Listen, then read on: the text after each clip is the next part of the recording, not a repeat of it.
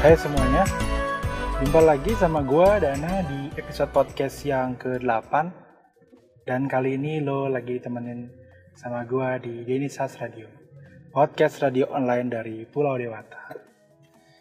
Oke, jadi gimana kabarnya nih? Udah lama banget kayaknya udah nggak bikin podcast Karena kesibukan yang benar-benar akhir-akhir ini. Terakhir kayaknya gua ngepost uh, buat podcast itu di bulan apa ya September eh bukan Juli kali ya sebelum Agustus ya bener dah ya bener jadi sekitaran bulan Juli itu terakhir gue kirim podcast dan itu pembahasannya pun hal-hal sederhana yang gue ambil dari website gue sing penting jadi buat kalian yang belum tahu atau belum dengar tentang episode-episode gue yang sebelumnya bisa dicari di link yang mungkin nanti gue sertakan ya So, jadi gimana kabarnya kalian semua? Uh, kebetulan gue lagi di jalan, lagi nyetir, dan ini momen yang benar-benar pas buat gue buat ngerekam podcast. Di mana gue bisa sendiri uh, dan nggak begitu bising, nggak uh, begitu ribut lah, karena keseharian gue itu benar-benar rame banget rame. Nggak di rumah, di kampus, tempat kerja, atau di tempat-tempat biasa gue kumpul sama teman-teman itu, waduh, rame banget dan semuanya pada ngebahas uh, ya apa aja yang lagi tren, yang lagi trending topik, yang lagi hot, yang lagi viral di bulan-bulan uh, uh, yang terjadi di keseharian kita kayak gitu. Jadi kita ini sudah uh, berjumpa di penghujung tahun 2018 ya. Dan sekarang kita sudah memasuki tanggal 21 Desember 2018. Ini uh, menurut gue ya setahun itu udah cepat banget uh, kelewat. Nggak kayak dulu. Emang beda ya. Jadi semasa gue masih sekolah atau uh, tapi sekolah itu waktu SD kali ya. Waktu gue masih SD itu setahun tuh lama banget. Nggak nggak nggak berasa banget ya. jadi dari tahun ke tahun itu gue lalui kayaknya lama gitu. Jadi beneran ngerasa setahun itu bener-bener lama. Bener-bener ngerasain yang namanya setahun itu lama banget karena mungkin ya aktivitas kita itu udah berbeda ya nggak sama nggak kayak sekarang yang notabene kita tuh udah gede udah dewasa uh, wajar lah. Jadi banyak kegiatan yang ngebuat kita itu kayak kekurangan waktu. Nah jadi itu sih yang gue uh, rasakan ya. Mungkin beberapa tahun belakangan ini kita itu ngerasa kayak kekurangan waktu. Contohnya jadi dalam kegiatan sehari-hari gue yang uh, setiap hari kerja dan kuliah uh, itu benar-benar kekurangan waktu. Pagi kerja dan mengerjakan semua aktivitas tapi nggak nggak ngerasa gitu kan? Lagi bentarnya udah tiba-tiba sorry ada motor lewat keras banget suaranya. Jadi nggak ngerasa tiba-tiba aja udah sore gitu. Padahal eh, kayaknya barusan baru aja gue nyampe tempat kerja kok udah sore gitu. Jadi bener-bener cepat sekali waktu berlalu sejam itu nggak berasa. Uh, mungkin karena kesibukan kita ya. Lagi yang lagi yang suka online yang suka sosial mediaan itu pasti kurang banget waktunya. Bener-bener kurang sehari buat buka Instagram itu atau buka Facebook pasti kurang. Tapi buat orang-orang yang bisa mem memanage waktu yang bisa me, apa namanya mengendalikan waktu mereka secara baik yang bisa mengontrol dan memanfaatkan waktu sisa mereka di sela-sela pekerjaan itu untuk mengerjakan hal-hal yang uh, produktif yang produktif buat diri mereka. Itu benar-benar hebat menurut gue jadi contohnya uh, bukan membanggakan diri sendiri sih ya. Jadi contohnya kayak gue ini di sela-sela waktu gue isi buat bikin podcast terus sampai di rumah lagi ngerjain kerjaan. Karena gue kan uh, punya dua kerjaan ya dua kerjaan selain gue jadi uh, customer service di sebuah perusahaan penyedia jasa internet gue juga buka service dan apa namanya instalasi komputer di rumah sama adik gue jadi nggak di kantor nggak di rumah sama. Kerja doang kerjanya. Ya ya nabung lah buat masa depan. Jadi ya contohnya kayak gitu. Kayak sekarang waktu yang gue manfaatin ini ya gue benar-benar manfaatin gitu. Sorry mic-nya tenggelam. Oke jadi benar-benar gue manfaatin gitu buat uh, bikin bikin podcast. Karena udah kangen banget lama sekali udah kayaknya berbulan-bulan udah nggak uh, mengungkapkan uh, pemikiran gitu dalam sebuah uh, apa namanya berita eh, bukan berita sih dalam sebuah acara podcast yang gue buat sendiri. Jadi itu bener-bener oh pengen banget ngeluangin waktu sejam gitu buat ngerekam audio ngerekam suara. Cuman ya seperti itu yang gue bilang tadi nggak ada waktu untuk itu. Mungkin orang-orang berpikir ah ah lu sok sibuk kamu tuh sok sibuk gimana sih caranya memanage waktu zaman sekarang? Gitu loh. Mereka mereka kan uh, kehidupannya nggak sama dengan kehidupan kita kita pun nggak sama dengan kehidupan mereka. Jadi uh, harusnya mereka bisa saling mengerti. Karena gue banyak banyak banget banyak banget yang mengatakan seperti itu.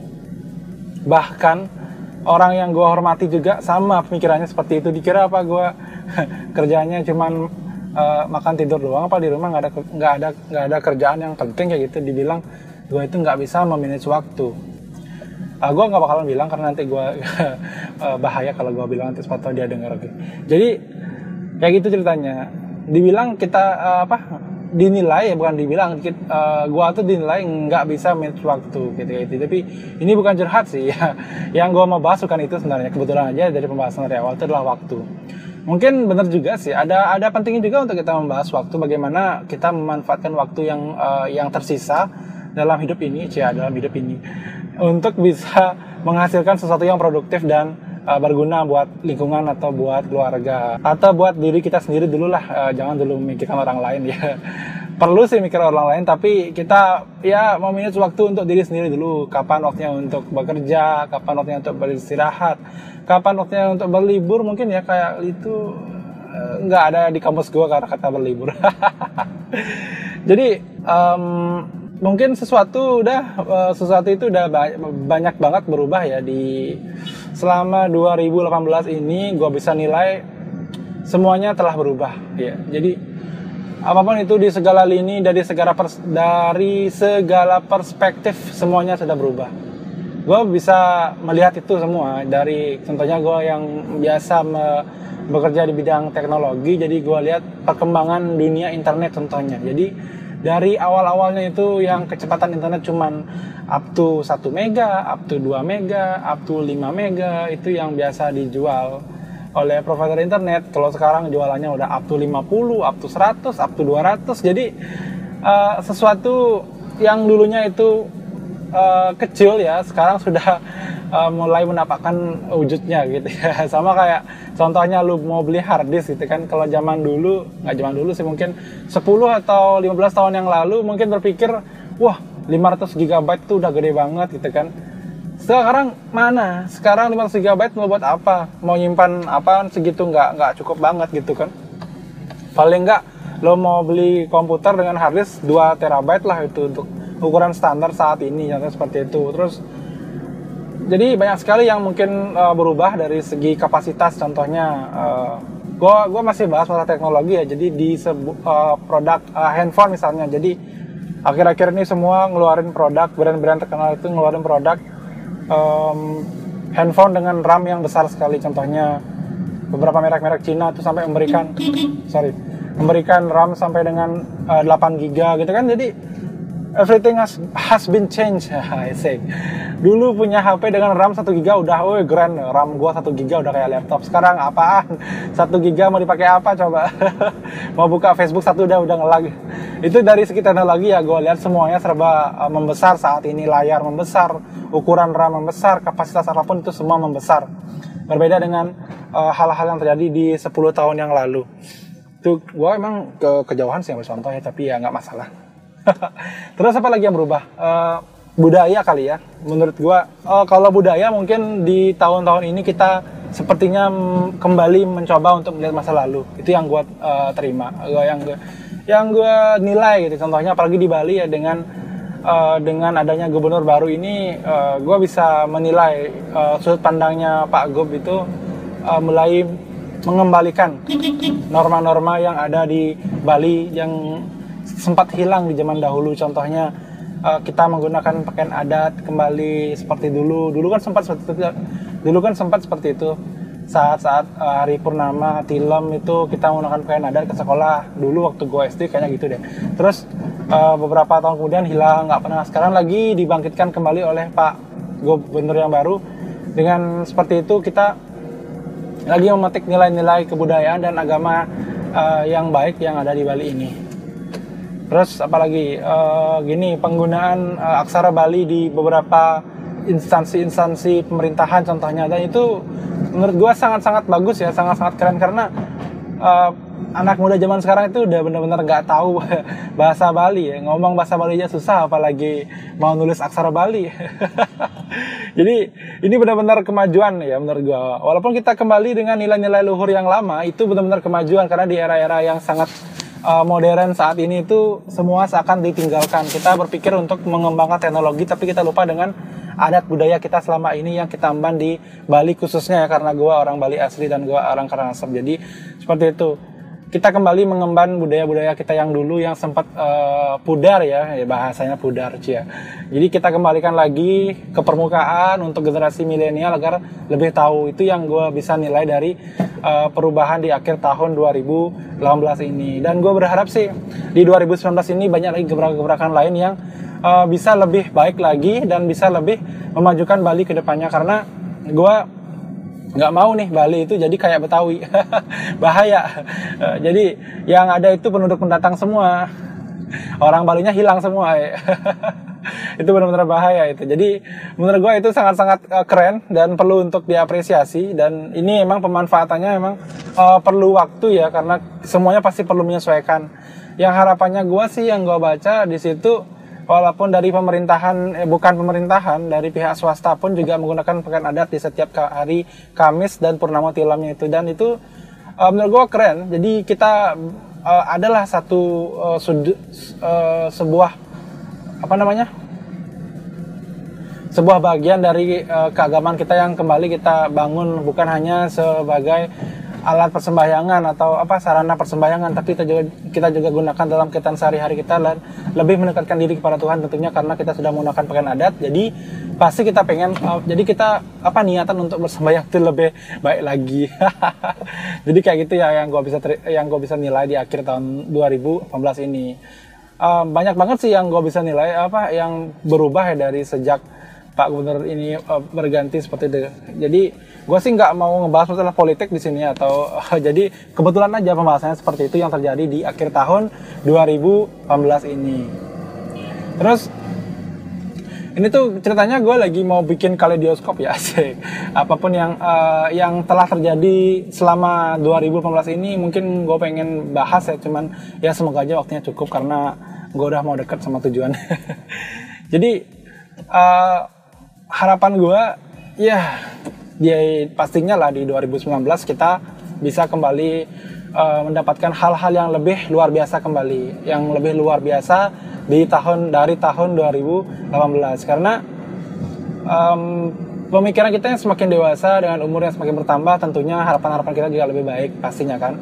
Berbeda dengan pemikiran kita waktu apa 10 tahun yang lalu saat masih gua berumur 16 tahun. Jadi beda lah pemikirannya dengan yang sekarang ya jadi benar-benar kita harus memikirkan masa depan, apalagi gue yang belum nikah ya. Aduh, aduh saya jadi curhat ya. Jadi kayak gue yang belum nikah ini pasti memikirkan hal-hal yang masih bisa produktif gue kerjakan di masa-masa rajang gue ini. Ya. Karena nanti kalau kita kalau gue udah nikah itu pasti beda kan pemikirannya, nggak bisa lagi mikirin hal-hal yang seperti itu. Pikiran kita cuma satu, keluarga. Jadi manfaatkanlah waktu yang ada. Oke, jadi seperti itu menurut gue. Karena memang sesuatu sesuatu yang udah berlalu itu nggak mungkin bisa kita ambil lagi.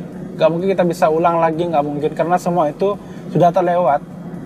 Contohnya kalaupun kalau kalaupun dari tadi uh, kurang lebih 10 menit yang lalu gua nggak ngambil HP terus ngerekam podcast walaupun berarti podcast ini nggak ada gitu contohnya.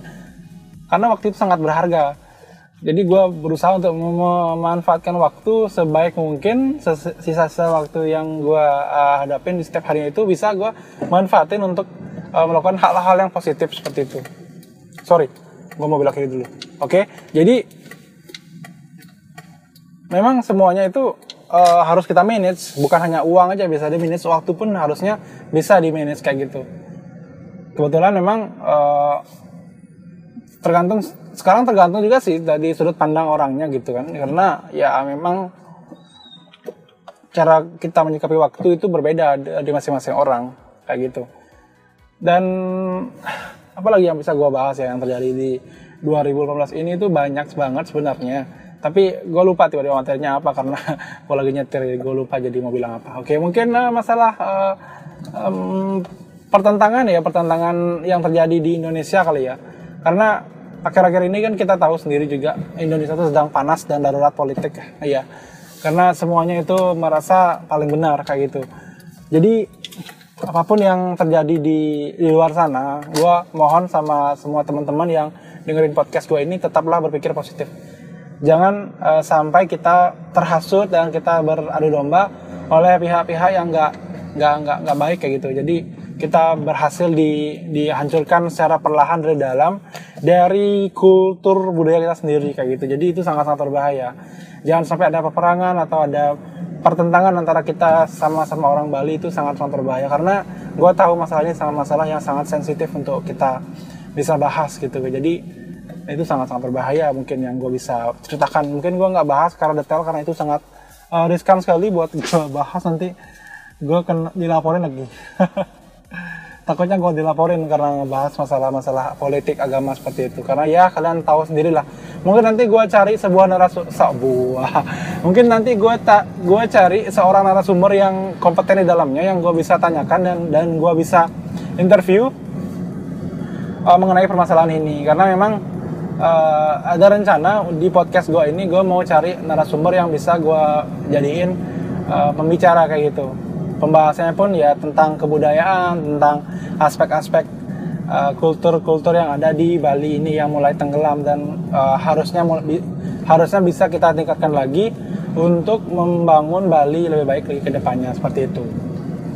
Oke mungkin sekian uh, podcast yang bisa gue uh, ceritakan ya ceritakan untuk kalian semua para pendengar di Nisas Radio dan gue harap gue bisa bertemu lagi sama lo di sesian podcast di episode podcast berikutnya.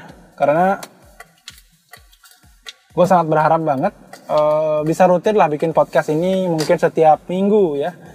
Ya semoga aja bisa karena uh, aktivitas gue udah mulai normal kayaknya kalau sudah habis tahun baru ini. Gue udah mungkin habis uas ya jadi ujian udah selesai uh, kegiatan udah mulai normal seperti itu.